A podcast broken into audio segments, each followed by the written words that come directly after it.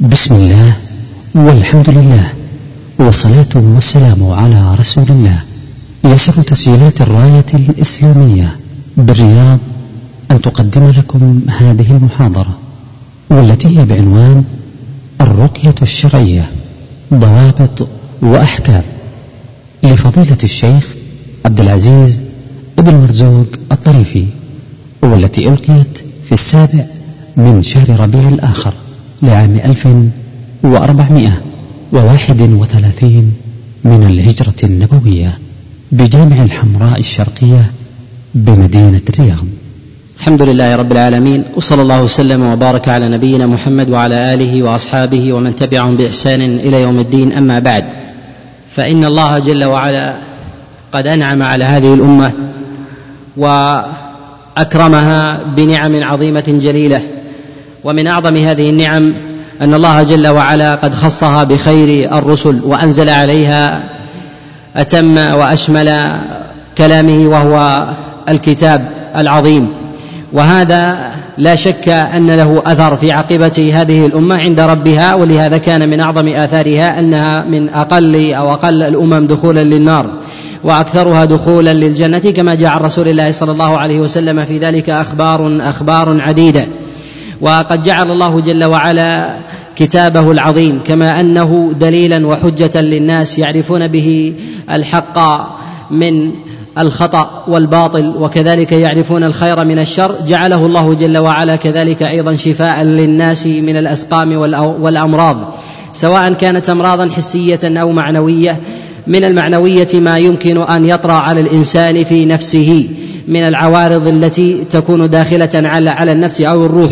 وأما ما كان من الأمور الحسية مما يطرأ على الإنسان من جراحات وآلام يحس بها في جسده كل ذلك قد دل الدليل في كلام الله جل وعلا وكلام رسول الله صلى الله عليه وسلم أنه شفاء له وقد جاء في ذلك جملة من الأخبار عن رسول الله صلى الله عليه وسلم منها ما جاء في حديث أسامة بن شريك قال أتيت رسول الله صلى الله عليه وسلم فسألته أن أتداوى؟ قال نعم.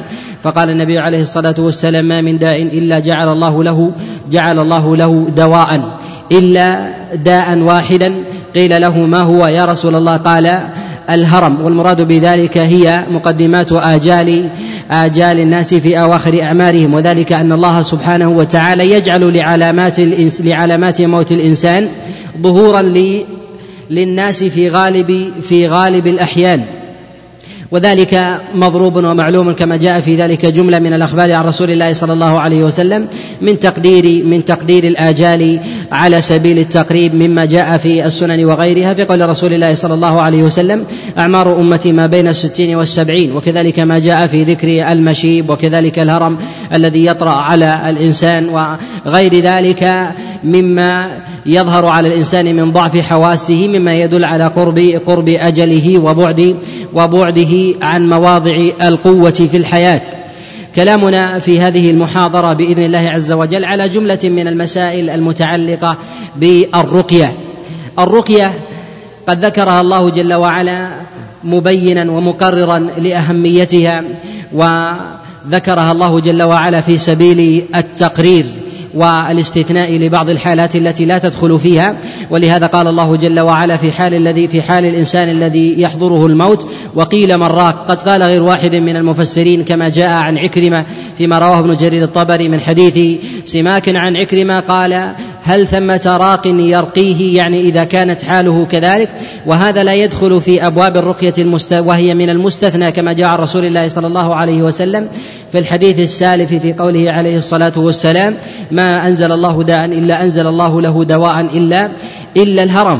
وجاء في معاني هذا جملة من الأحاديث وهو ظاهر من جهة الدلالة في كلام الله سبحانه وتعالى هذا. الكلام على مسألة الرقية والاستشفاء ينبغي أن يقدم له بمقدمة وهي أنه تقرر في الشريعة أن الإنسان لا يصاب بمصيبة من من المصائب سواء كانت حسية أو معنوية مما مما يصاب به الإنسان في نفسه وماله وولده وعرضه. لا يكون هذا إلا بذنب قد اقترفه الإنسان.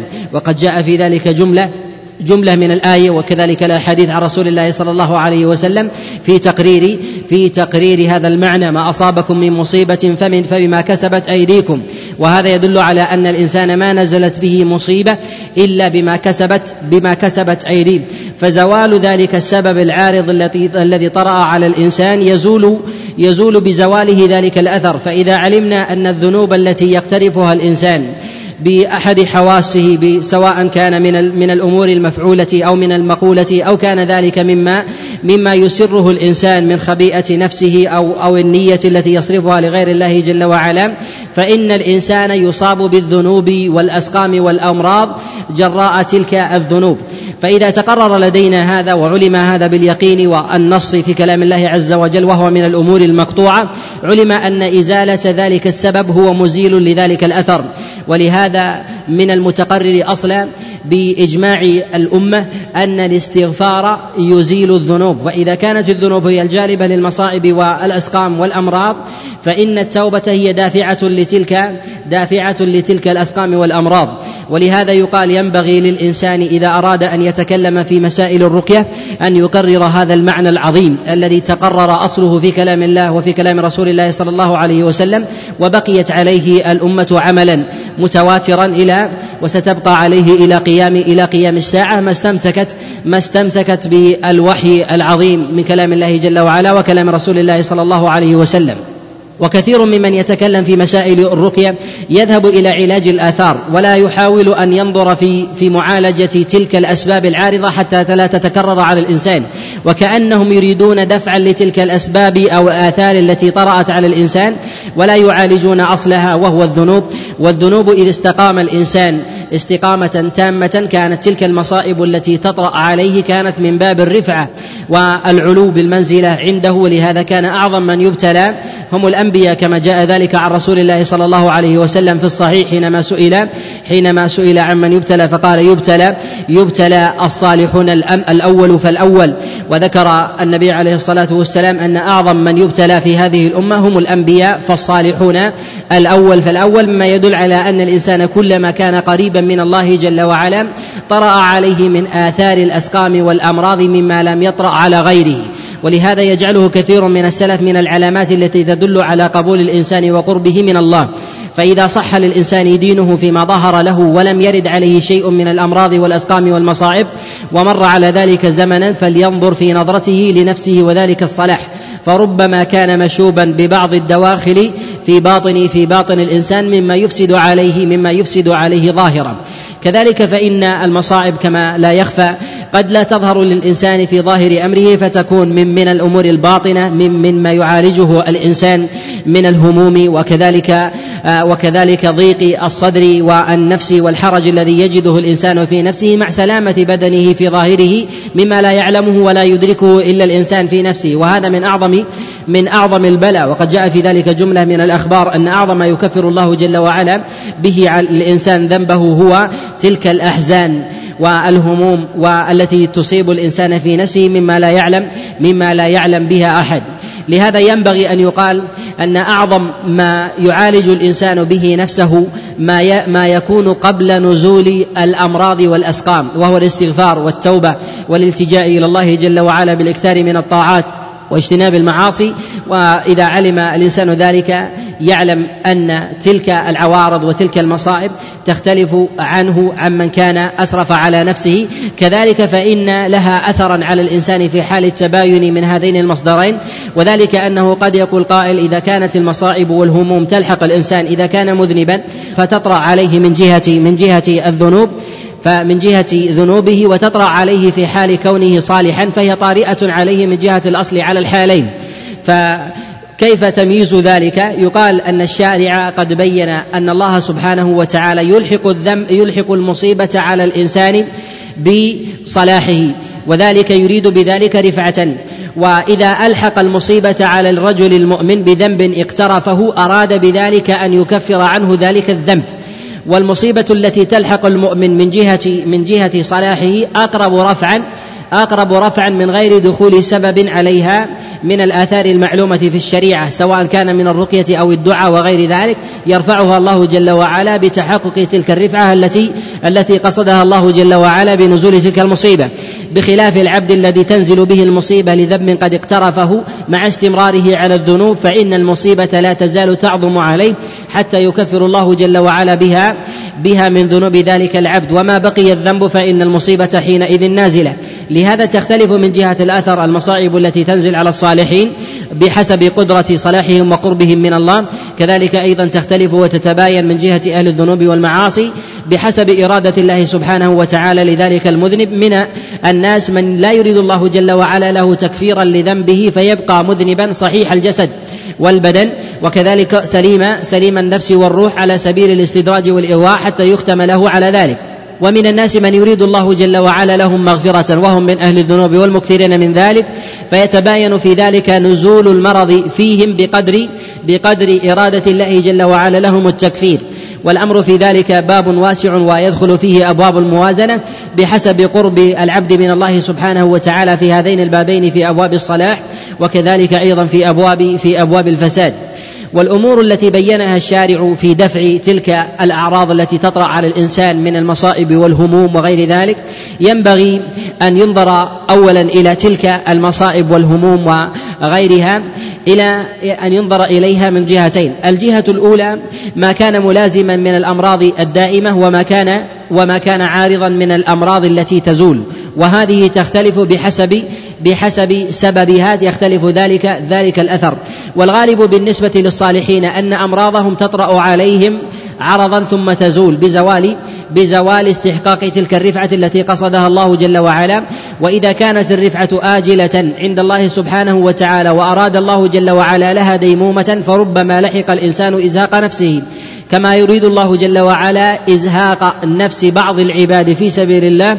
اختيارا حتى يكون من أهل الرفعة والعلو فيحشر مع الأنبياء مع الأنبياء والصديقين وكفى بذلك علوا لمنزلتهم والغالب في حال من نزلت به مصيبة بسبب الذنوب والمعاصي التي تطرأ عليه أن تلك الأسقام والأمراض في الغالب أنها تكون ملازمة طويلة الأمد.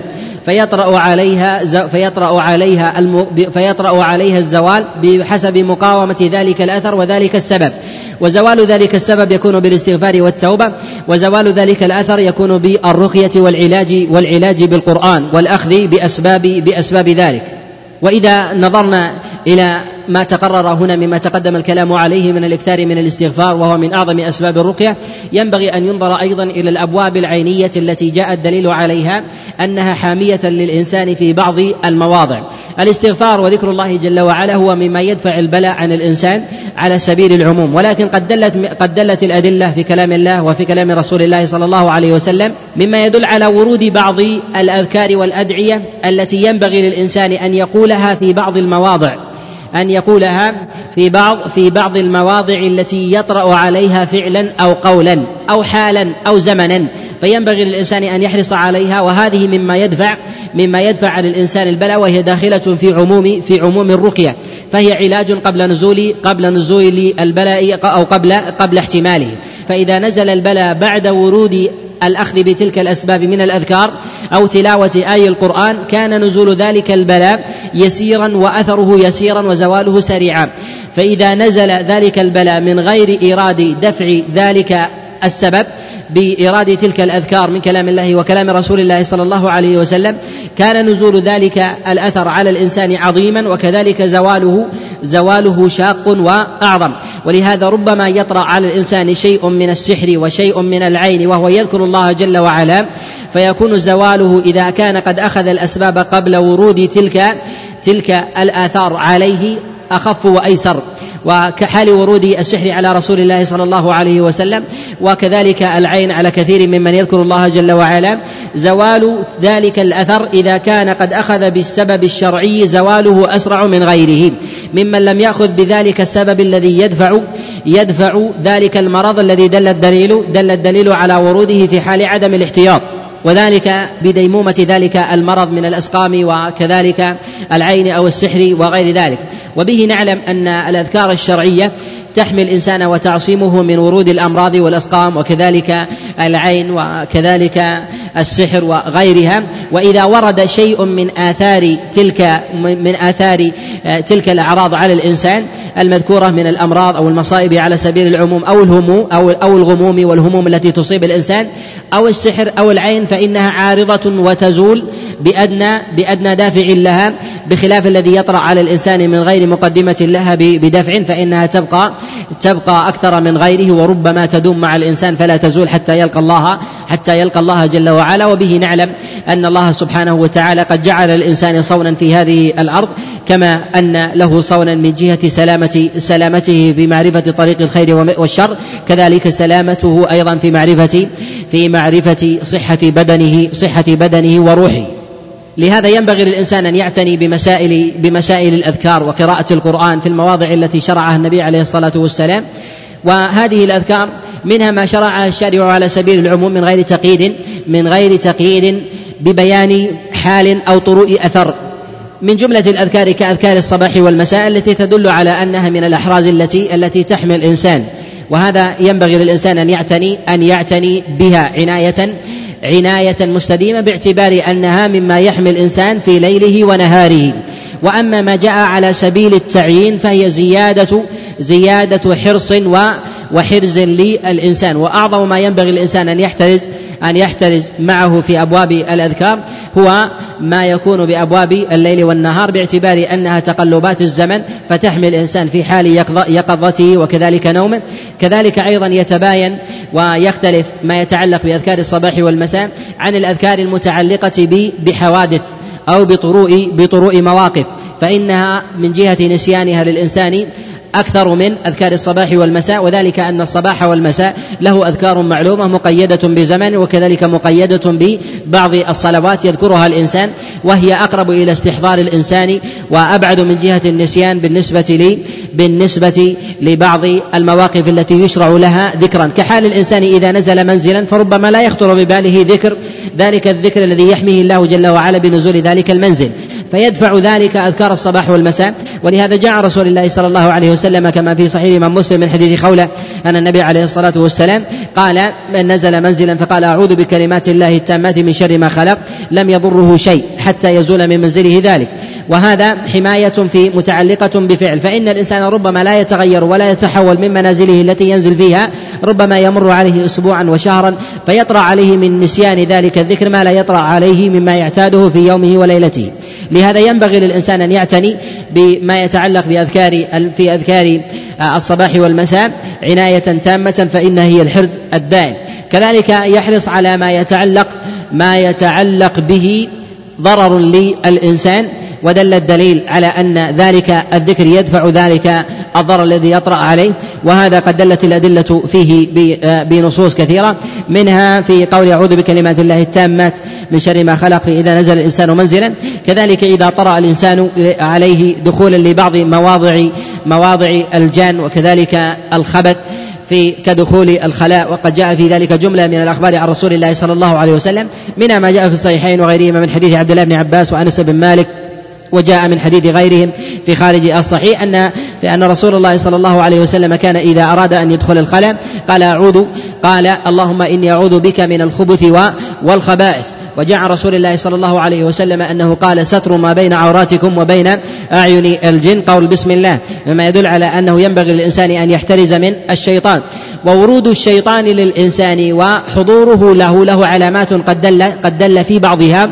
قد دل في بعضها النص. وكذلك في حضور الملائكة قد دلت الأدلة في بعض في بعض أسباب ورودهم منها ما ما يتعلق بمسألة بمسألة مواضع العبادة والمواضع المكرمة التي دل الدليل عليها كمسائل المساجد التي يذكر فيها الله جل وعلا يذكر فيها الله جل وعلا. كذلك أيضا في حلق الذكر كذلك عند عند سماع صياح الديكة كما جاء في الصحيح من حديث أبي هريرة أن رسول الله صلى الله عليه وسلم قال إذا سمعتم صياح الديكة فاسألوا الله من فضله فإنها رأت ملكا. وإذا سمعتم نهيق الحمير فاستعيذوا بالله فإنها رأت شيطانا. وهذا من العلامات التي ربما يعلم بها الإنسان آه، ورود الملك عليه وكذلك أيضا ورود ورود الشيطان عليه. فإذا ورد عليه أو وجدت بعض هذه العلامات فعليه أن يدفع أن يدفع تلك الشياطين التي ربما يتعلق بورودها أذى أذى للإنسان. كذلك فإن الشياطين إذا علم في الشريعة أنه ما من إنسان إلا ومعه قرين كذلك فإن الشياطين يرون بني آدم ولا يرونهم. علم أن الإنسان لا يمكن أن يحترز من ذلك على سبيل الديمومة إلا بذكر الله سبحانه وتعالى والاحتياط والاحتياط والتترس بالنصوص الشرعية من كلام الله جل وعلا وكلام رسول الله صلى الله عليه وسلم. وهذه النصوص التي جاءت عن النبي عليه الصلاة والسلام منها ما يتعلق بالإنسان بذاته من احترازه بذاته ومنها ما يتعلق بذريته وكذلك ماله وغيرها. ما ومنها ما يتعلق بمال الإنسان ولو كان ولو كان جمادا. لهذا لا حرج على الإنسان أن يذكر الله جل وعلا على جماد. كذلك أن يذكر الله سبحانه وتعالى من باب أولى إذا قلنا على الجماد فإنه يكون على على البهائم. وقد دلت الأدلة في ذلك عن السلف عن عبد الله بن مسعود وحنظلة وغيرهم من وغيرهم من السلف أنهم كانوا أنهم كانوا يرقون البهائم. وأما بالنسبة على الجمادات أن يذكر الإنسان الله جل وعلا في حال في حال رؤيته شيئا محمودا آه، من ماله أو يذكره دفعا لأعين الناظرين حتى لا يطرأ حتى لا يطرأ على ماله آه، شيء من شيء آه، من المفسدات.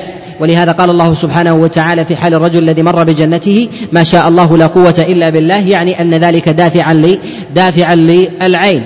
وهذا قاله رسول الله صلى الله عليه وسلم أيضا في قصة أبي أم في قصة سهل في لما رآه لما رآه عامر أبا الربيعة عليه رضوان الله تعالى ورأى جسده وقال والله ما رأيت جسدا أو جلدا أبيض من هذا ولو مخبأ فقال له النبي عليه الصلاة والسلام لما يقتل أحدكم أخاه؟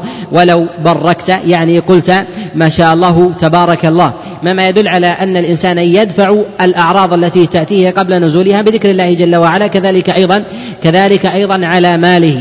وهذا المال إما أن يكون جمادا كحال كحال النقدين من الذهب والفضة وكحال أيضا البيوت والسيارات والأراضي وكذلك الجنات والبساتين والمركوبات بأنواعها فإنه ينبغي للإنسان أن يحصنها بذكر الله سبحانه وتعالى قبل ورود قبل ورود الأسقام عليها والإتلاف حتى لا يحتاج إلى دفعها بما هو أشق من ذلك بتتبع أسبابها والإكثار من الرقية ونحو ذلك. كذلك أيضا من بهائم الأنعام ولها أنفس أيضا فإذا قيل أن الرقية تكون على الجماد فإنها أيضا فإنها أيضا تكون على بهيمة الأنعام. وقد جاء في ذلك بعض الأخبار منها ما رواه الطبري وكذلك رواه ابن عبد البر في كتابه التمهيد من حديث هلال بن يساف عن سحيم قال كنا عند عبد الله بن مسعود نعرض عليه المصاحف وجاءت جارية عربية فقالت لرجل منا إن فرسك قد قد أتاها أحدهم بعين فلو التمست لها راقيا فقال عبد الله بن مسعود عليه رضوان الله تعالى لا تلتمسوا لها راقيا.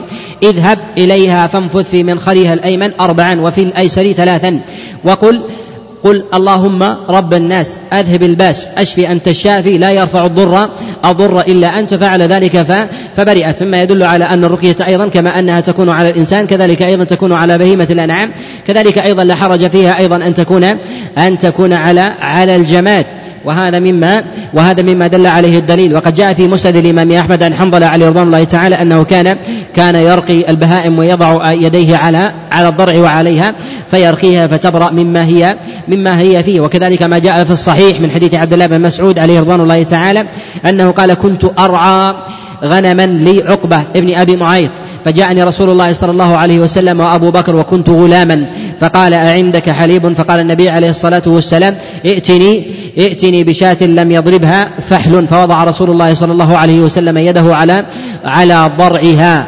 فذكر الله جل وعلا فحلبها عليه الصلاة والسلام ثم ثم رجعت كما كانت وهذا يدل على أن البهيمه ان على أن البهيمة تشفى مما يطرأ عليها وكذلك أيضا فيه من آثار الإعجاز لرسول الله صلى الله عليه وسلم. هذا ما يتعلق بمسألة الاحتياط قبل ورود الأسباب التي يعالجها الإنسان بالرقية التي ينبغي للإنسان أن يحترز فيها والنصوص في ذلك كثيرة. آه، ويحرص الإنسان على ما يحمي على ما يحمي على سبيل العموم أكثر مما مما يحمي على سبيل التخصيص. النبي عليه الصلاة والسلام بين أن ثمة ثمة أذكار تحمي الدار بكاملها ولو بشيء يسير كذكر بسم الله الرحمن الرحيم كما جاء رسول الله صلى الله عليه وسلم كما جاء في حديث جابر بن عبد الله أن الرجل إذا دخل داره فقال بسم الله قال الشيطان قال الشيطان لا مبيت. وجاء النبي عليه الصلاة والسلام أيضا أن الرجل إذا دخل داره ولم يذكر اسم الله دخل الشيطان وإذا وإذا أكل طعامه ولم يذكر اسم الله قال الشيطان لكم مبيت ولكم عشاء. وإذا ذكر الله جل وعلا عند دخوله البيت وعند طعامه قال الشيطان لا مبيت اليوم ولا عشاء. يعني أن الحرز شمل البيت وأهله. وهذا مما ينبغي الإنسان أن يعتني به وهو لفظ يسير يحمي الإنسان من ورود من ورود العوارض العوارض عليه. كذلك العناية بالأذكار التي دل الدليل عليها بخصوصها من كلام الله جل وعلا وكلام رسول الله صلى الله عليه وسلم التي تحمي الدور من تلاوة من تلاوة بعض آي القرآن من سورة البقرة وآل عمران من أنها تحمي تحمي البيت. وكذلك تقي الإنسان وأهله من السحر وكذلك آخر آيتين من سورة من سورة البقرة. وغير ذلك من الآي التي يتعلق بالدور الذي ينبغي للإنسان أن يعتني به حتى يحمي أهله وذريته. وأما ما يتعلق بمسألة العلاج بالرقية فيقال أن الرقية يقصد بها ما يتداوى به الناس من لفظ وكذلك ما يتداوى به الناس من أمور محسوسة. فإنها تسمى رقية سواء كان ذلك من أبخرة أو كذلك من مطعومات ونحو ذلك فإنها تسمى رقية. وهي من جهة الأصل وهي من جهة الأصل مشروعة إلا ما كان شركا. وقد جاء في ذلك خبر عن رسول الله صلى الله عليه وسلم في حديث عقبة لما جاء إلى رسول الله صلى الله عليه وسلم فقال يا رسول الله إنا كنا في الجاهلية لنا رقى نرقي بها. فما ترى في ذلك؟ فقال النبي عليه الصلاة والسلام اعرضوا علي رقاكم لا بأس بها ما لم تكن ما لم تكن شركا أو ما لم تكن من الشرك. وهذا دليل على أن الأصل في الرقى الإباحة.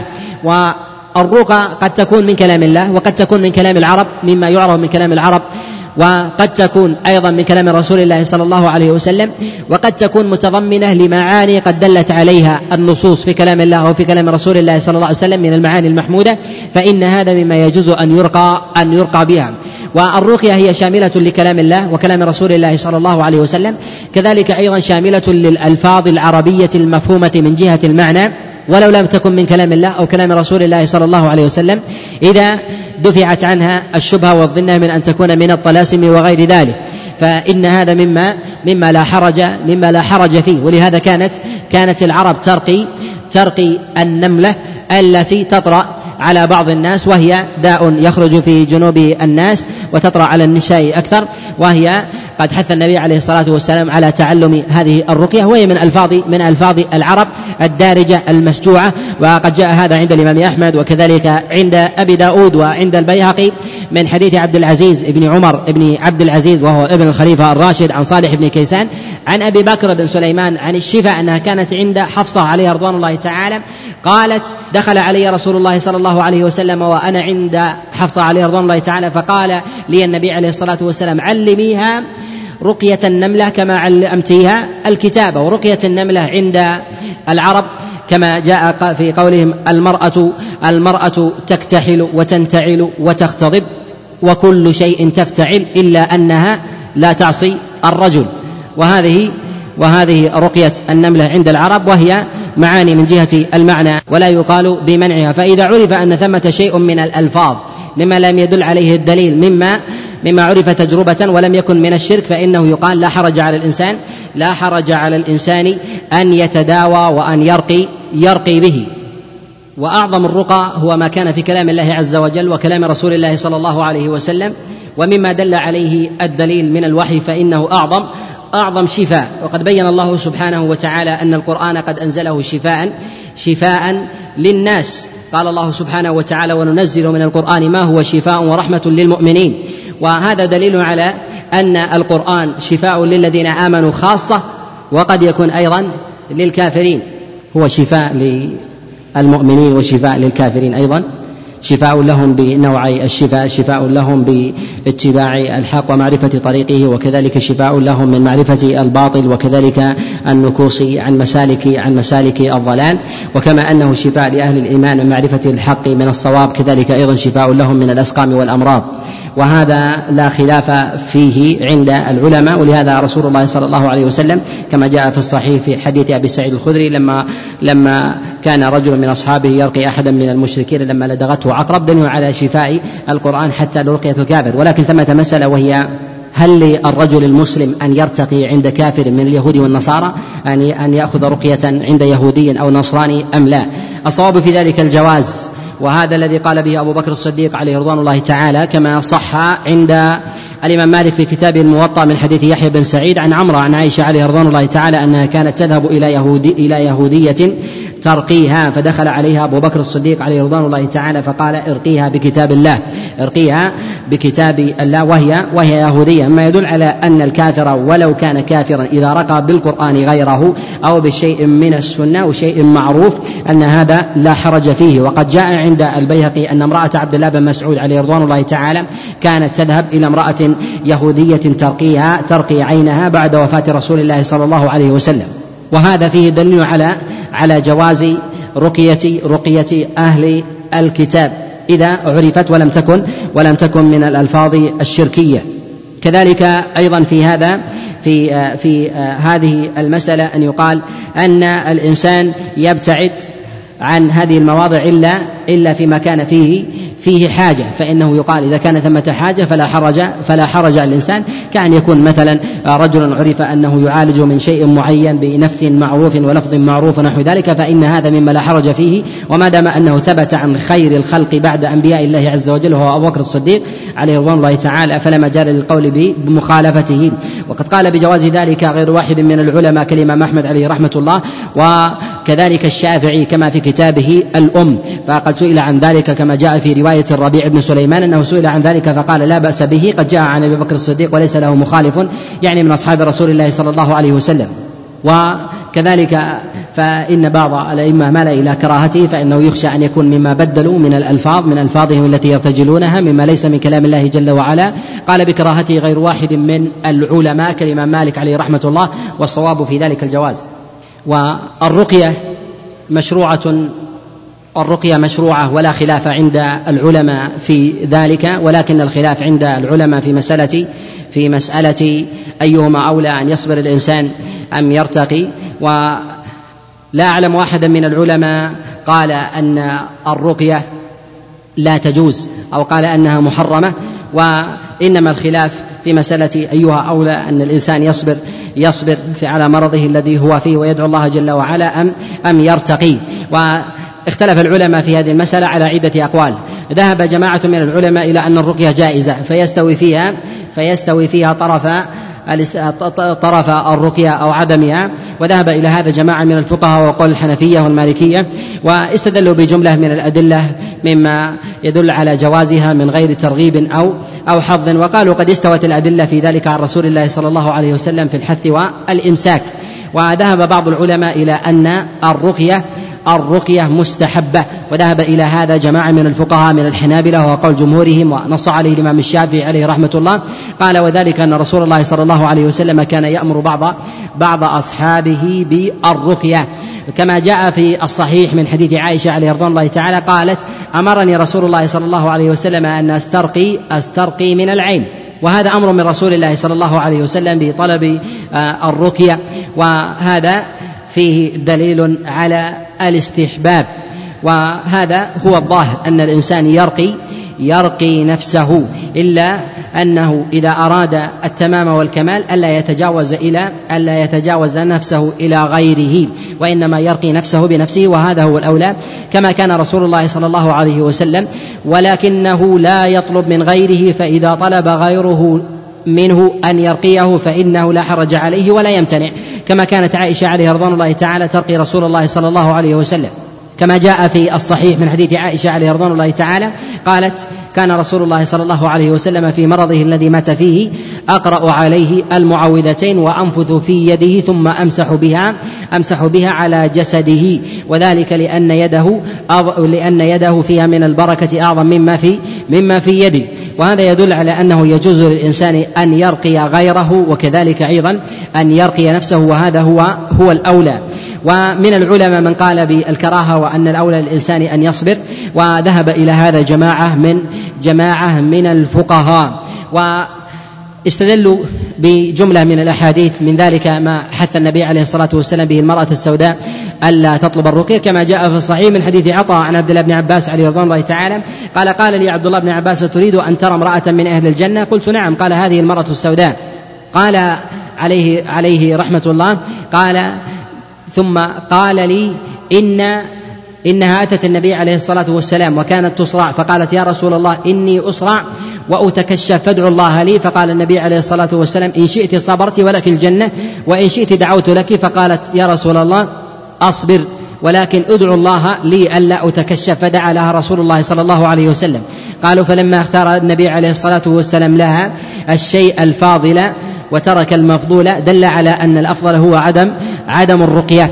ولكن يقال أن هذا فيه فيه طلب رقية وليس فيه وليس فيه رقية. وهو أمر زائد عن حد الرقية. وذلك أن الرقية هو أن يرقي الإنسان نفسه كذلك أن يرقي غيره من غير طلب.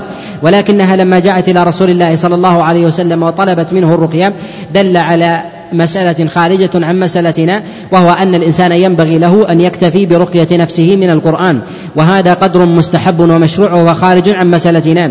وثمة قول رابع في هذه المسألة قالوا أن الرقية مكروهة إلا إلا في ثلاثة. وقالوا هي العين والحمى وهي السم. والعقرب وقيل النفس وهي داخلة في ذلك. جاء هذا عن ابن سيرين كما روى ابن أبي شيبة في كتابه المصنف من حديث أيوب عن ابن سيرين. وأما قصد الإنسان لغيره أن يرقيه على سبيل الانتقاء والاستدامة فإنه فإنه خلاف الأولى. وهذا ما جاء فيه عن رسول الله صلى الله عليه وسلم كما جاء في الصحيح من حديث سعيد بن جبير عن عبد الله بن عباس أن رسول الله صلى الله عليه وسلم قال يأتي النبي يوم القيامة ومعه الرجل ويأتي النبي ومعه الرجلان. وبينما أنا كذلك إذ رأيت سوادا عظيما فظننت أنه أمتي فقال هذا موسى وقومه. ف رأيت ثم رأيت سوادا عظيما قد ملأ الأفق فقيل انظر يمنة وانظر يسرة. قالوا هذه أمتك؟ قال ومعهم سبعون ألفا يدخلون الجنة بغير حساب ولا عذاب.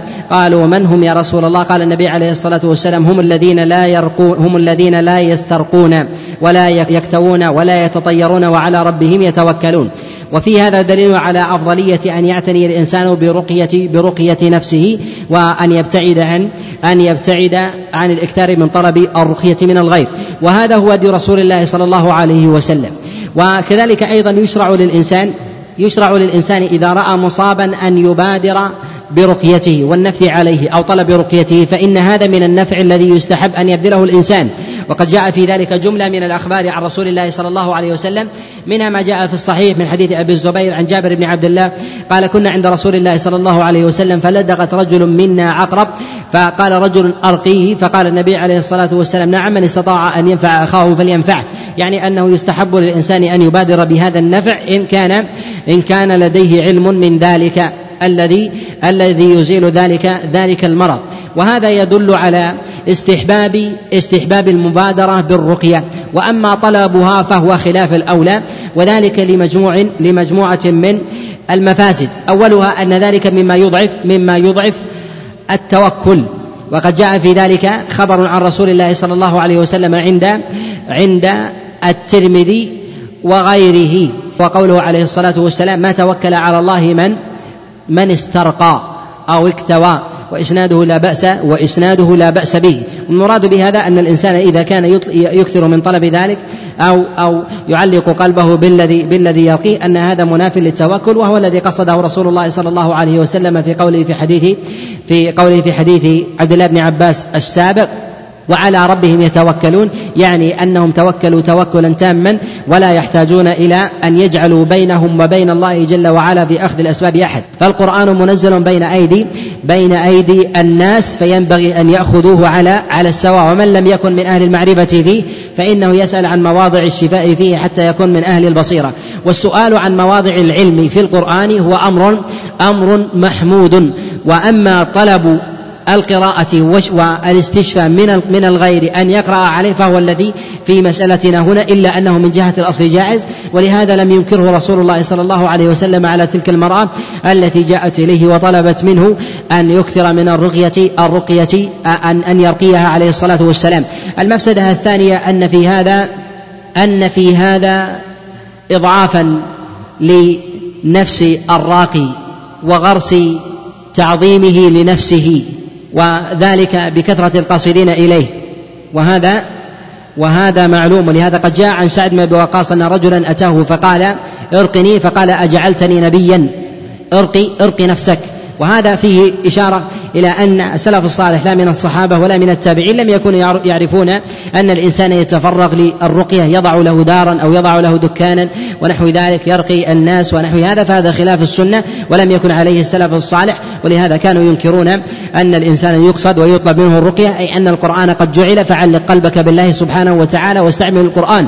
والأولى في ذلك إذا كان الإنسان يقول أنني لا أحسن لا أحسن الرقية ونحو ذلك أن يسأل أهل العلم والمعرفة أي القرآن أقرأه على نفسي فيقال اقرأ على نفسك سورة البقرة واقرأ على نفسك سورة آل عمران واقرأ على نفسك سورة كذا وآية الكرسي والمعوذتين وغير ذلك مما مما دل الدليل على على اختصاصه بمزيد بمزيد خصيصة. وحتى لو كان الإنسان لا يحفظ القرآن فإنه يفتح القرآن ويقرأه فكثير من أصحاب رسول الله صلى الله عليه وسلم وأكثره لم يكونوا من حفظة حفظة القرآن إلا عدد إلا عدد قليل. ولهذا ينبغي للإنسان أن يحرص على مرتبة الكمال على مرتبة الكمال في ذلك وهو ما كان عليه الصحابة عليهم رضوان الله تعالى وكان عليه سلف الأمة قاطبة. وبه نعلم أن ما يفعله كثير من العامة وكثير من الناس أو من القراء الذين يفتحون الدور أو الدكاكين أو يتفرغون لرقية الناس ونحو ذلك أن هذا من الأمور المخالفة التي ليست محمودة. وأما استدلالهم بالعمومات من قول النبي عليه الصلاة والسلام من استطاع منكم أن ينفع أخاه فلينفع فهذا أمر قد وضع في غير موضعه. وهو أمر محمود على الصفة التي جاءت عن النبي عليه الصلاة والسلام وهو أن يبادر الإنسان في حال رؤيته لمصاب لا أن يتفرغ لرقية الناس أن يبحث وأن يدعو أن يدعو الناس إليه. ولهذا سعد بن أبي وقاص عليه رضوان الله تعالى أنكر لمن قصده أن يرقيه مع علمه مع علمه بأنه يعلم من القرآن فقال جعلتني نبيا يعني أن هذا يورث القارئ شيئا من العجب والثقة بنفسه مما لا ينبغي أن يكون. وهذا إذا كان في سعد بن أبي وقاص ونحو ذلك من علية الناس فإنه في غيرهم من باب أولى. وكذلك من المفاسد أن الإنسان ربما يعلق نفسه بذلك القارئ من دون الله جل وعلا فإذا لم يعلقه في المرة الأولى أو الثانية أو الثالثة علقه فيما فيما بعد ذلك. وإذا علمنا أن الشيطان هو سبب لكثير من الدواخل والعوارض التي تطرأ على الإنسان فإذا كان يريد كبح الإنسان عن مواضع الطاعة فأصابه بمس أو بعاهة ونحو ذلك فراى أو علم ان الانسان يقصد ذلك الرجل لصلاحه ونحو ذلك فانه ربما يكون من مداخل الشيطان انه يزول منه يزيل منه ذلك المرض اذا كان الشيطان من اسباب ذلك تلك المصيبة وذلك الهم الذي طرأ على الإنسان يزول عند عند ورود ذلك الرجل الصالح أو رجل أو الرجل الخير ونحو ذلك أو القارئ من الناس ولو كان من عامة الناس وذلك لأن المفسدة على صاحب المرض أعظم وذلك أنه يضعف إيمانه ويعلقه بذلك الشخص فإذا بعد عنه عاد إليه.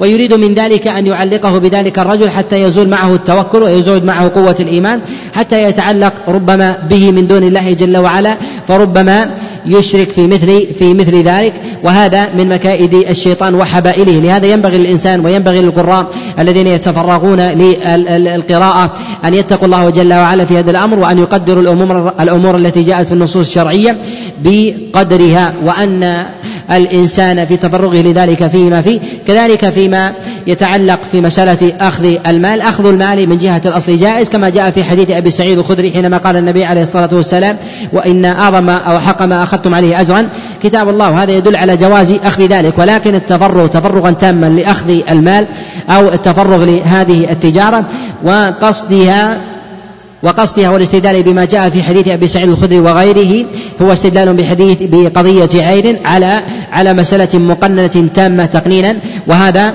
وهذا فيه ما فيه من الخروج من الخروج عن النص ومبالغة كثير من القراء والرقاة أو العامة ونحو ذلك بضرب مبالغ طائلة ونحو هذا هذا من الأمور من الأمور المخالفة التي لا ينبغي التي لا ينبغي أن يلجأ إليها الإنسان ولا يقال بتحريمها إلا أنها من الأمور المكروهة التي ليست بمحمودة وربما كانت دافع الإنسان بعدم توكله إلى الله وربما ابتدأ فيها الإنسان مخلصا لله فكان مع استكثار المال وكذلك مدح الناس له ويقع فيه إعجاب في نفسه وعدم توكل على الله جل وعلا وكذلك تقصير بأبواب العمل لأنه يرى من أثر طاعته وإيمانه ويقينه فيما يزعم. بشفاء الناس فيده من ذلك اليقين والإخلاص لله سبحانه وتعالى وكذلك المفسدة التي تطرأ على الناس من قاصديه ونحو ذلك من استدرار أموالهم وإخراجها من غير وجه حق ومبالغة في ذلك بمبالغ طائلة. ونحو هذا هذا من الأمور من الأمور المذمومة التي التي ينبغي الإنسان أن يبتعد عنها قدر قدر وسعه. جاء عن رسول الله صلى الله عليه وسلم صفة للرقية وهي ينبغي الإنسان أن يكون متبصرا فيها وعلى علم على علم آه، بها. جاء النبي عليه الصلاة والسلام آه، صفات وهيئات في أبواب الرقية منها أن يضع النبي عليه الصلاة والسلام يده يده على المريض كما جاء في حديث عائشة عليه رضوان الله تعالى وعلى موضع الألم. النبي عليه الصلاة والسلام كان يضع يده على موضع على موضع الوجع أو على رأس المريض فيقول فيقول اللهم أشفي أنت الشافي لا شفاء إلا شفاؤك شفاء لا يغادر لا يغادر سقما وكذلك أيضا ما جاء ما جاء في حديث أنس بن مالك عليه رضوان الله تعالى وقد جاء في الصحيح من حديث ثابت عن أنس بن مالك بنحوه عن رسول الله صلى الله عليه وسلم. وهذا يدل على أن الراقي ينبغي له أن يضع يده على على المريض سواء على رأسه وكتفه ويحذر أيضا من المحظورات وهذه المحظورات في هذا الموضع منها أن يضع الإنسان يده على موضع عورة عورة المريض. وهذا من الأمور من الأمور المحرمة. كأن يمس فرجه أو أن يمس دبره ويقول أن هذا من مواضع من مواضع المرض وهذا من الأمور المحرمة. وذلك أن الشارع عليه الصلاة والسلام إنما وضع يده على المريض تارة وعلى موضع المرض تارة وتارة ينفث النبي عليه الصلاة والسلام ويقرأ من غير وضع شيء. وهذا يدل على أن وضع اليد بذاته ليس من الأمور من الأمور المنفذة للرقية وحبسها من الأمور الحابسة الحابسة للرقية. ويدل على أنها من مواضع التمام ومواضع التمام لا تستحل بها الحرمات. ومن الأمور المحرمة كذلك مس المرأة الأجنبية سواء كان ذلك بحائل أو بغير حائل. وهذا وهذا محرم. ولا خلاف عند العلماء في ذلك. وقد جاء في ذلك جملة من الأخبار عن رسول الله صلى الله عليه وسلم كما جاء في الصحيح في قوله اليدان تزنيان وزناهما وزناهما البطش وجاء في رواية المس وهذا يدل على حرمة مس الرجل المرأة للمرأة الأجنبية ولا يجوز أن يفعل ذلك الرجل برقية أو بغيرها. ومن المحظورات في ذلك أن يضع الرجل يده على المريض ولكنه لا ولكنه لا يذكر شيئا من ألفاظ الرقية المشروعة أي كأنه يجعل يده هي سبب من أسباب الشفاء وهذا فيه ما فيه. أو يضع الإنسان يده على اثنين شخص عن يمينه وشخص عن يساره فيضع يديه على الاثنين ويرقي الذي عن اليمين ولا يرقي الذي عن الشمال وهذا قصور في قصور في الفهم فينبغي الإنسان أن يتعمد الاثنين بالرقية ولو كان اللفظ اللفظ واحدا. كذلك من صفات الرقية التي كان النبي عليه الصلاة والسلام يرقي بها يرقي بها الناس هو أن يضع أصبعه في التراب كما جاء كما جاء في الخبر عنه عليه الصلاة والسلام في الصحيح أنه كان يضع أصبعه في التراب ثم يضع يضع ريقه عليه ثم يضعه في التراب حتى يعلق بها التراب. فيقول النبي عليه الصلاة والسلام تربة أرضنا بريقة بعضنا. وجاء في بعض الألفاظ باسم ربنا يشفى مريضنا. وهذا يدل على أن الإنسان يستشفي بالتراب. وفي هذا إشارة إلى ما يفعله بعض الرقاة أنهم يأخذون ترابا ويضعونه في ماء ثم ينفثون ثم يخرجون منه الحصى ويبقي ويبقى ويبقى فيه شيء من من من رذاذ التراب وغباره ونحو ذلك ويشربه المريض. أن هذا من الأمور التي لا بأس لا بأس بها. كذلك أيضا من من الصور في ذلك أن يحرص الإنسان على الرقى التي جاءت عن رسول الله صلى الله عليه وسلم وجاء فيها الدليل فهي أولى ما تكون. من ذلك القرآن الكريم وهو شفاء للناس على سبيل العموم ومن ذلك الألفاظ أو الأدعية التي يرقى بها المريض. ومن ذلك ما جاء في الصحيح من حديث أبي نضرة عن أبي سعيد الخدري أن جبريل جاء إلى رسول الله صلى الله عليه وسلم فقال للنبي عليه الصلاة والسلام أتشتكي شيئا؟ قال نعم. قال أرقيك؟ قال نعم. فقال جبريل بسم الله أرقيك. من كل عين حاسدة ومن كل نفس الله يشفيك بسم الله أرقيك. يعيد بسم الله أرقيك مرة بعد استفتاحه استفتاحه فيها فيقول بسم الله أرقيك من كل شر يؤذيك من كل عين ومن كل ومن كل نفس بسم الله أرقيك. وهذا يكررها مرتين في ابتداء الرقية وكذلك في آخرها. وكذلك يقول ما جاء في حديث عائشة وفي حديث أنس بن مالك فيقول اللهم رب الناس اذهب البأس اشفي أنت الشافي لا شفاء إلا إلا شفاؤك شفاء لا يغادر شفاء لا يغادر سقما.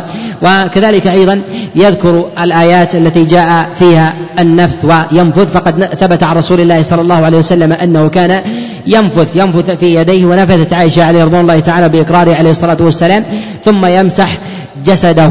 والنبي عليه الصلاة والسلام كان يمسح جسده عند عند نومه فيرقي نفسه عليه الصلاة والسلام بقراءة بقراءة المعوذتين وينفذ بكفيه ثم ثم يضعها على ما ما أمكنه من جسده. وفي هذا إشارة إلى أن الإنسان يمسح جسده إلا أنه لا يمسح جسد غيره إلا إلا بمحرمه كما فعلت عائشة عليه رضوان الله تعالى.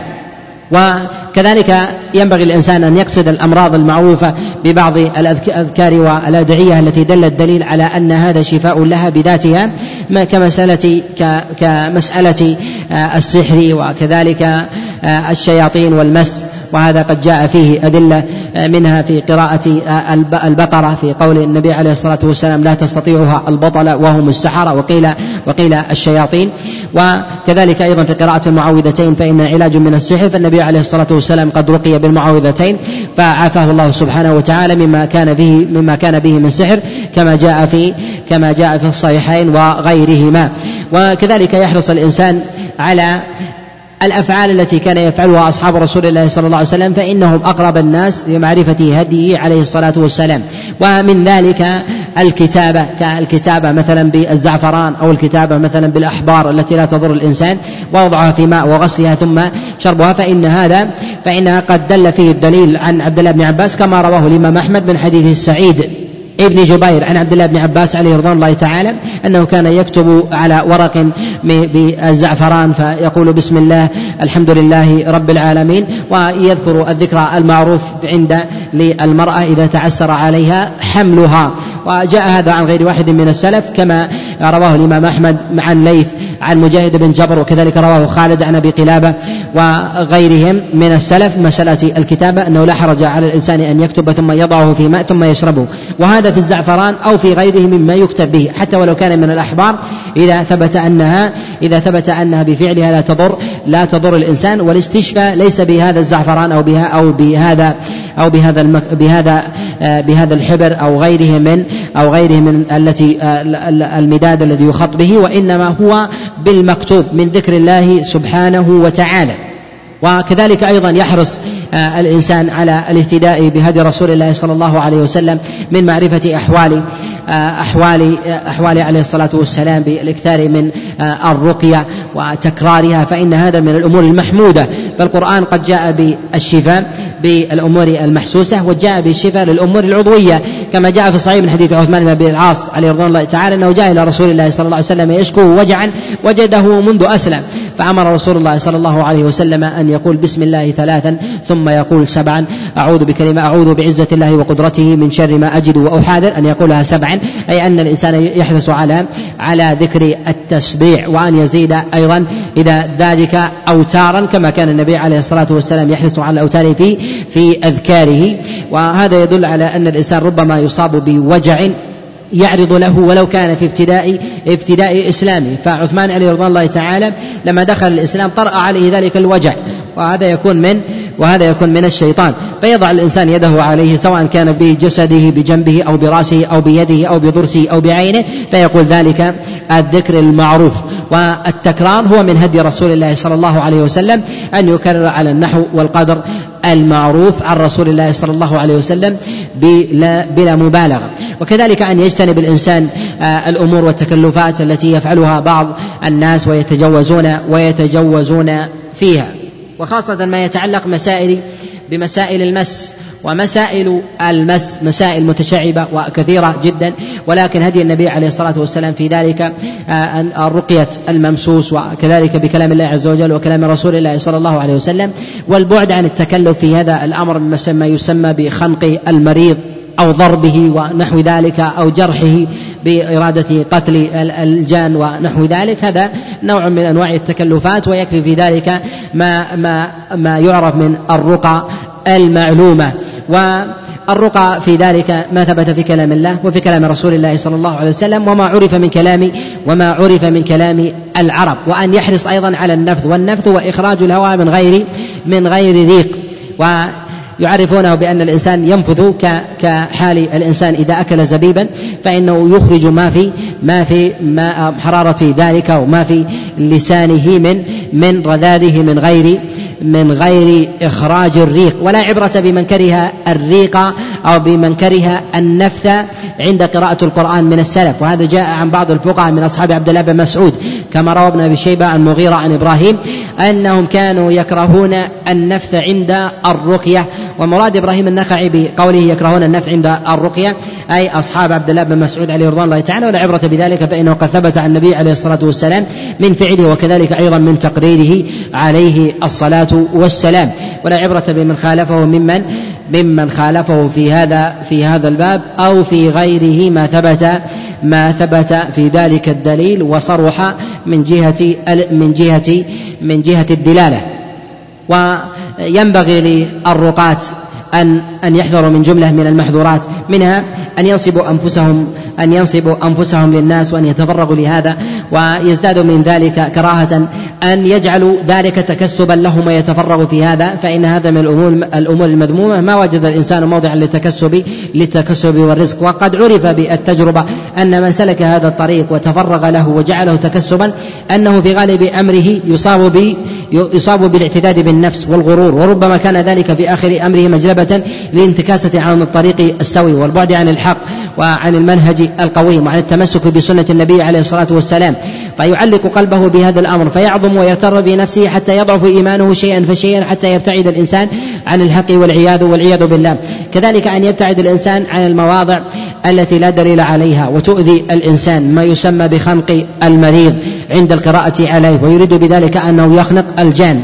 أولا يعلم أن الجان إذا تلبس بالإنسان أنه أن الإنسان لا لا يحس بذلك الأذى الذي يلحقه، فإذا ضرب فإن الذي يحس الجان، ولكن الأذية تتعدى للمريض بعد زوال المس، فإذا خرج الجان منه بقيت الآلام في الإنسان، وهذا من الأذية غير محبب، ولكن العلاج العلاج هو أن يكون بالقرآن، ولهذا ربما يزهق تزهق روح الإنسان وذلك أن الراقي يظن أن الأذى أن الأذى يلحق الجان. فربما مات الإنسان من الخنق أو ربما من الجراحة ويريد بذلك أن يقتل أن يقتل الجان. وكذلك أن يحذر الإنسان وهو الأمر الرابع في هذا أن يحذر الإنسان من من الخوض الخوض مع الجان. بالكلام وسؤالهم ونحو ذلك فإنهم كذبة. وقد أخبر بذلك النبي عليه الصلاة والسلام. ويكفي في هذا أن خبر الإنس المجهول لا يقبل. فكيف بالجن المجهول الذي لا يعلم حقيقته هل هو من أهل الإيمان أو من غيره؟ ولهذا النبي عليه الصلاة والسلام قد جاء عنه كما في كتابه كما في الصحيح كما في الصحيح في قصة أبي هريرة لما كان جعله النبي عليه الصلاة والسلام حارسا على الزكاة فجاءه الشيطان بصورة فقير فحبسه أبو هريرة عليه رضوان الله تعالى فقال له النبي عليه الصلاة والسلام ما فعل أسيرك يا أبا هريرة البارحة؟ فقال إنه اشتكى لي الحاجة وضعف العيال وأطلقته. فقال النبي عليه الصلاة والسلام أما إنه كذب وسيعود. قال أبو هريرة فعلمت أنه كذب وسيعود. فعاد إليه. وفي قول النبي عليه الصلاة والسلام أما إنه كذب مع أنه شكى الحاجة والفاقة والعيال ونحو ذلك والمسكنة فهذا شيطان مارد قد كذب قد كذب على أبي هريرة وأخبر النبي عليه الصلاة والسلام أبا هريرة أنه كذب وسيعود إلى ما كان إليه فإذا كان قد أعطاه المواثيق.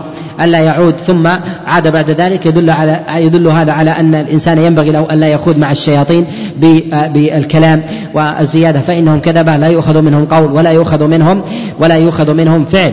لهذا يعلم أن الخوض معهم خوض مع كذبة متمرسون للكذب وهو من الأمور من الأمور المحظورة.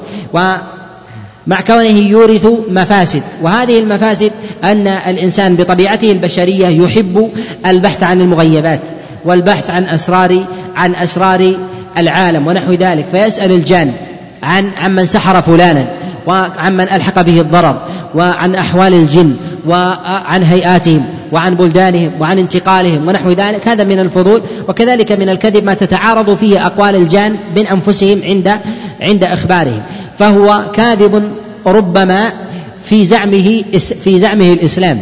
فإذا كان ربما يكذب في زعمه الإسلام فهو ربما يكذب أيضا في إخباره بأحوال الناس. ومن أعظم المفاسد التي تطرأ في هذا هو الإخبار عن الضغائن التي تخ... عن... عن عما يثير الضغائن بين الناس وهو أن يسأل الجان عمن سحر فلانا. من الذي سحر فلان؟ ومن الذي دفعك إلى أن تمس فلان؟ ونحو ذلك. فيقول الجان الذي سحر الذي دفعني إليه عمه فلان أو زوجته فلانة ونحو ذلك. فتفرق بين البيوت بخبر بخبر كاذب. وهذا مما لا يجوز شرعا وهو من النميمة المحرمة. وهو من النميمة المحرمة ومن فعل ذلك فهو نمام. ولو كان راقيا إن سأل الجان من الذي سحر فلانا؟ فيقول فلان فيخبره أن الذي سحرك فلان فهذا من النميمة. ويكفي بذلك أنه إخبار بكذب بشخص أو إخبار عن شخص مجهول جعله في حكم الحق فأخبر فأخبر به. فإذا كان النبي عليه الصلاة والسلام قد جعل القتات والنمام لا يدخل الجنة وخبره وخبره معلوم. معلوم من جهة الصحة وتلفظ به فنقل إلى غيره فكان يورث الضغينة كان كبيرة من كبائر الذنوب. فخبر الجان والبحث والبحث عنه هو أيضا من النميمة والساعي في ذلك ساع في حرام وهو داخل في حكم في حكم النمام والعياذ والعياذ بالله. وثمة مسألة يثيرها ممن يخوض في مسائل الجان ونحو ذلك وهو أن أنه يستفيد منهم ببعض أخبارهم أنه ربما يخبرون خبرا فيكون صحيحا ولا مفسد في ذلك. يقال أنه علم بالتجربة أن من دخل في هذا الباب أنه باب واسع تطمع إليه إلى إلى التوسع فيه النفوس بالبحث عن الأمور المغيبة وعن أدوية الناس وعلاجاتهم ونحو ذلك.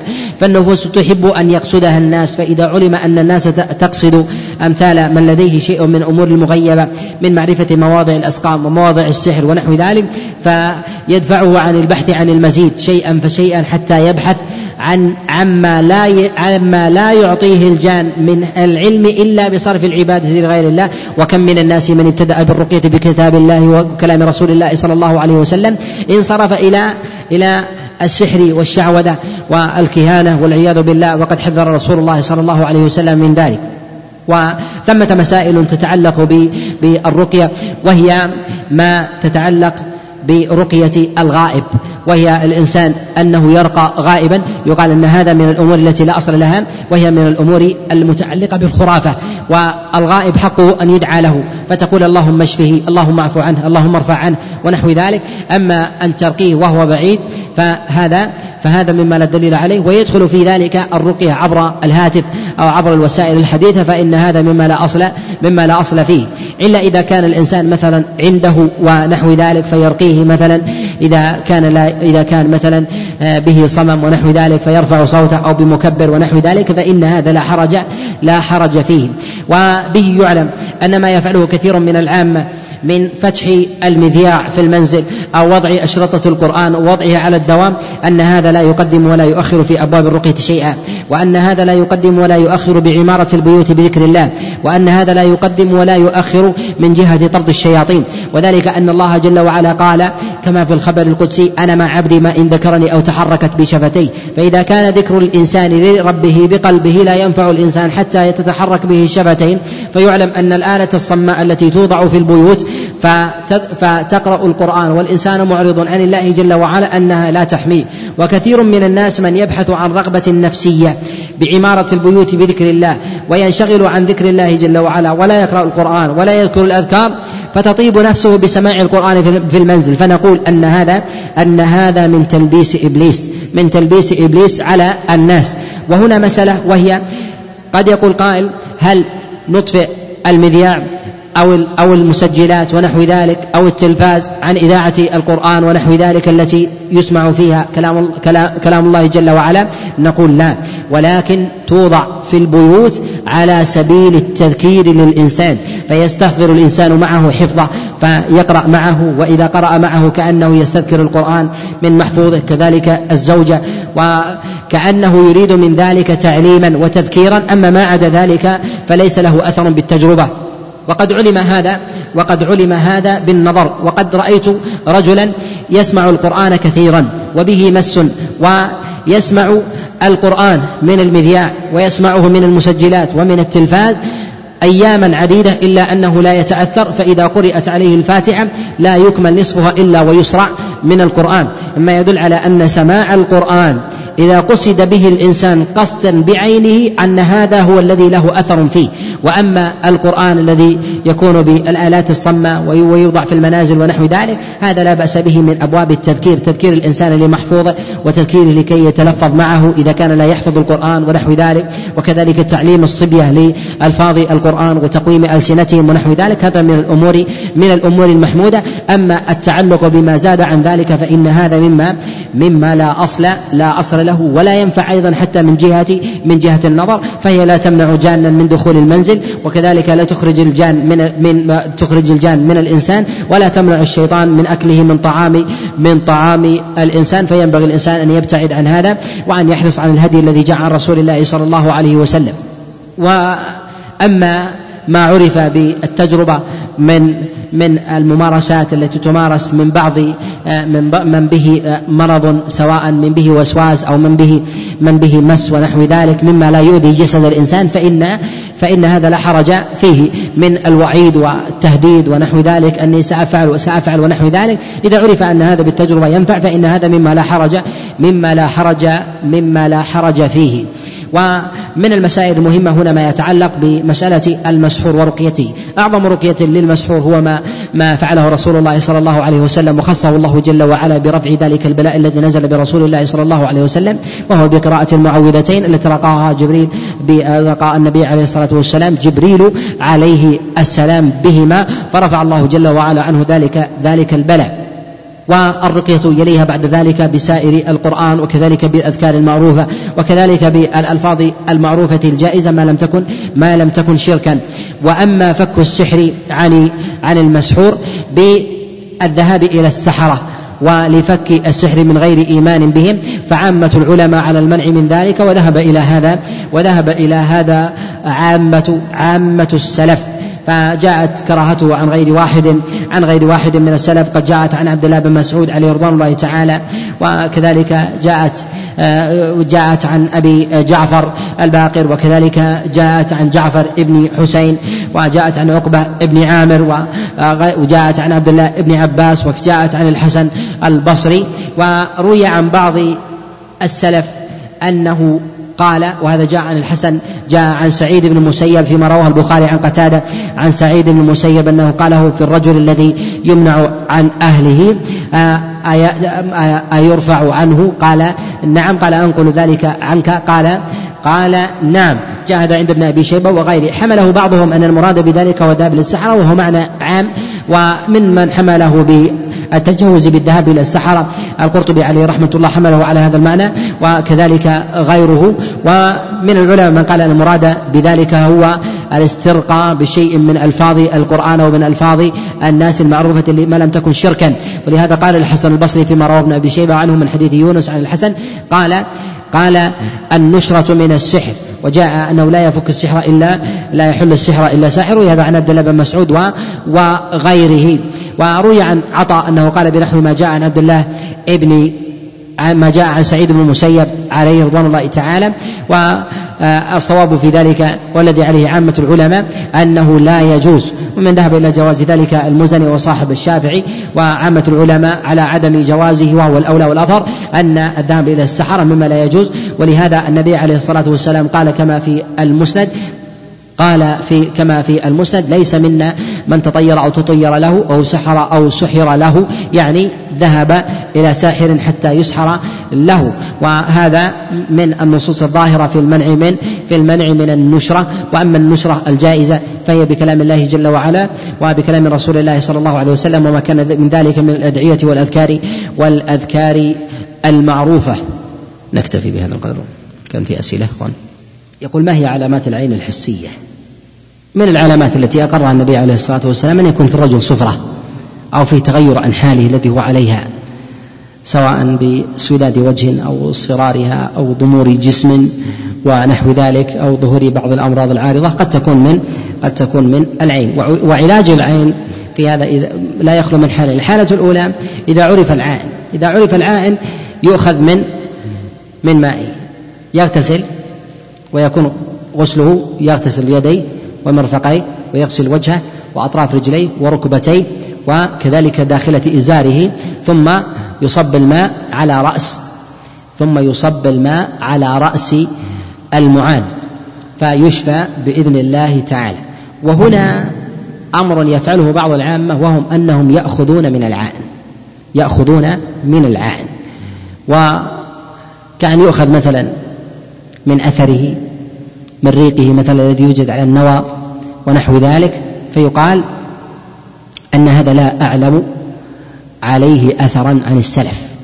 ولكن لو عرف بالتجربة فهو فهو حسن ولا حرج ولا حرج في ذلك. وينبغي للشخص ولو كان صالحا أو عالما أو فاضلا آه، أو يظن أن نفسه لا لا تعين وطلب منه الاغتسال أن يغتسل. فإذا كان هذا في خير الخلق بعد الأنبياء وهم الصحابة فهم بعدهم باب أولى. لأن الإنسان ربما لا يملك نفسه وربما يعين الإنسان نفسه وربما يعين ولده وهو لا يعلم. ولهذا ينبغي الإنسان إذا إذا شعر بشيء من ذلك أن أن يغتسل على النحو السالف الذكر وهو من الأمور من الأمور المشروعة. يقول هل المقصر في دينه يرقي على نفسه مع تقصيره ولا يذهب للرقاة إذا ذكرنا أن اليهودي عائشة تذهب إلى يهودي وصححنا ذلك فكيف المسلم المذنب؟ وهو موحد. ألا يكفي توحيده بأن يرقي نفسه؟ تعلق القلوب بالناس وعدم تعلقها بذلك المقروء وهو كلام الله جل وعلا. يضعف الإيمان عند الإنسان ويضعف توكله وربما لا تؤتيه الثمر. ولهذا كثير من الناس يقول ذهبت إلى الدولة الفلانية وإلى الراقي في البلدة الفلانية ودفعت كذا وإلى البلدة الفلانية وإلى البلدة الفلانية وإلى البلدة الفلانية ولم أنتفع من ذلك بشيء. لن تنتفع من هذا الشيء. ما دام أنك جندت نفسك هذه الأشهر وهذه الأيام وعلقت نفسك بهؤلاء الأشخاص ففي الغالب أنك لن تنتفع وإنما الانتفاع يكون أن تعلق يعلق الإنسان نفسه بكلام الله سبحانه وتعالى يعلق نفسه بالله. ولا حرج عليه أن يقصد الإنسان لكن ليس هذا هذا القصد المفرط هو أن يعمد الإنسان إلى إلى الرحلة في البلدان ونحو ذلك هذا من الأمور المذمومة. يقول هل من استرقى لولده الصغير؟ حكمه كمن استرقى لنفسه؟ نعم. وولده بضعة منه. يقول هل يشرع القراءة في ماء أو زيت أو نحوه والاغتسال به؟ نعم. لا حرج أن يقرأ في الماء كما تقدم إذا كان يكتب زعفران ثم يضعه في الماء ثم يشرب ذلك الماء لا حرج عليه. كذلك أن يضعه في المواضع التي هي فيه. وهنا سؤال يسأله بعض الناس يقول إذا أخذت ماء مقروءا هل أغتسل فيه في مواضع النجاسة؟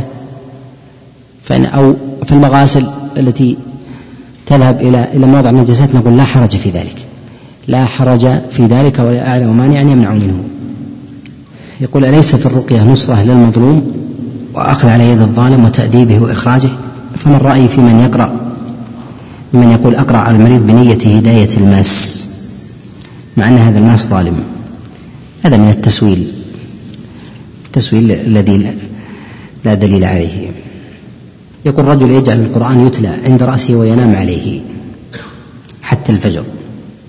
نقول هذا لا يخلو من حالين إذا كان يريد أن يسمع القرآن ليتلفظ به حتى يتابع معه فهذا أمر محمود وحسن. أما أن يجعل القرآن يقرأ وهو منشغل البال بأمر الدنيا ومنصرف بخواطره يمنة ويسرة ويريد بذلك أن ترتاح نفسه فقط راحة نفسية نقول هذا هذه الراحة النفسية هي من الشيطان. ليست من الرحمن. وكم من الناس ترك قراءة القرآن والأذكار عند النوم لأنه يجد الراحة عند المذياع وكم من الناس ترك رقية قراءة البقرة وتلاوة الأذكار في بيته لأنه يشغل المذياع دائما. وهذا لا يقدم ولا يؤخر. وكم من البيوت مليئة ظلمة وبعد عن الله والمذياع مشتغل فيها على الدوام. ومن أعظم البلايا أيضا أن تشتغل أن يشتغل المذياع في البيوت والبيوت مليئة من المنكرات. بالصور معلقة ومنصوبة ونحو ذلك. هذا مشروع لا شك أنه من الهوى الذي يريد الإنسان أن يسلي نفسه أنه متعلق بالله. ولهذا يذكر العلماء أن الراحة النفسية التي يجدها الإنسان في بعض الأعمال ليست دليلا على على صوابه. ولهذا الذين يجدون الراحة النفسية في زيارة قبر الحسين والبدوي والسيدة زينب يجدون من الراحة يقول لا نجدها في الحرم. وهذا من من تلبيس الشيطان على الناس لإغوائهم وإضلالهم. وهنا أنبه أن وضع القرآن في السيارة في طريق الإنسان بذهابه ومجيئه.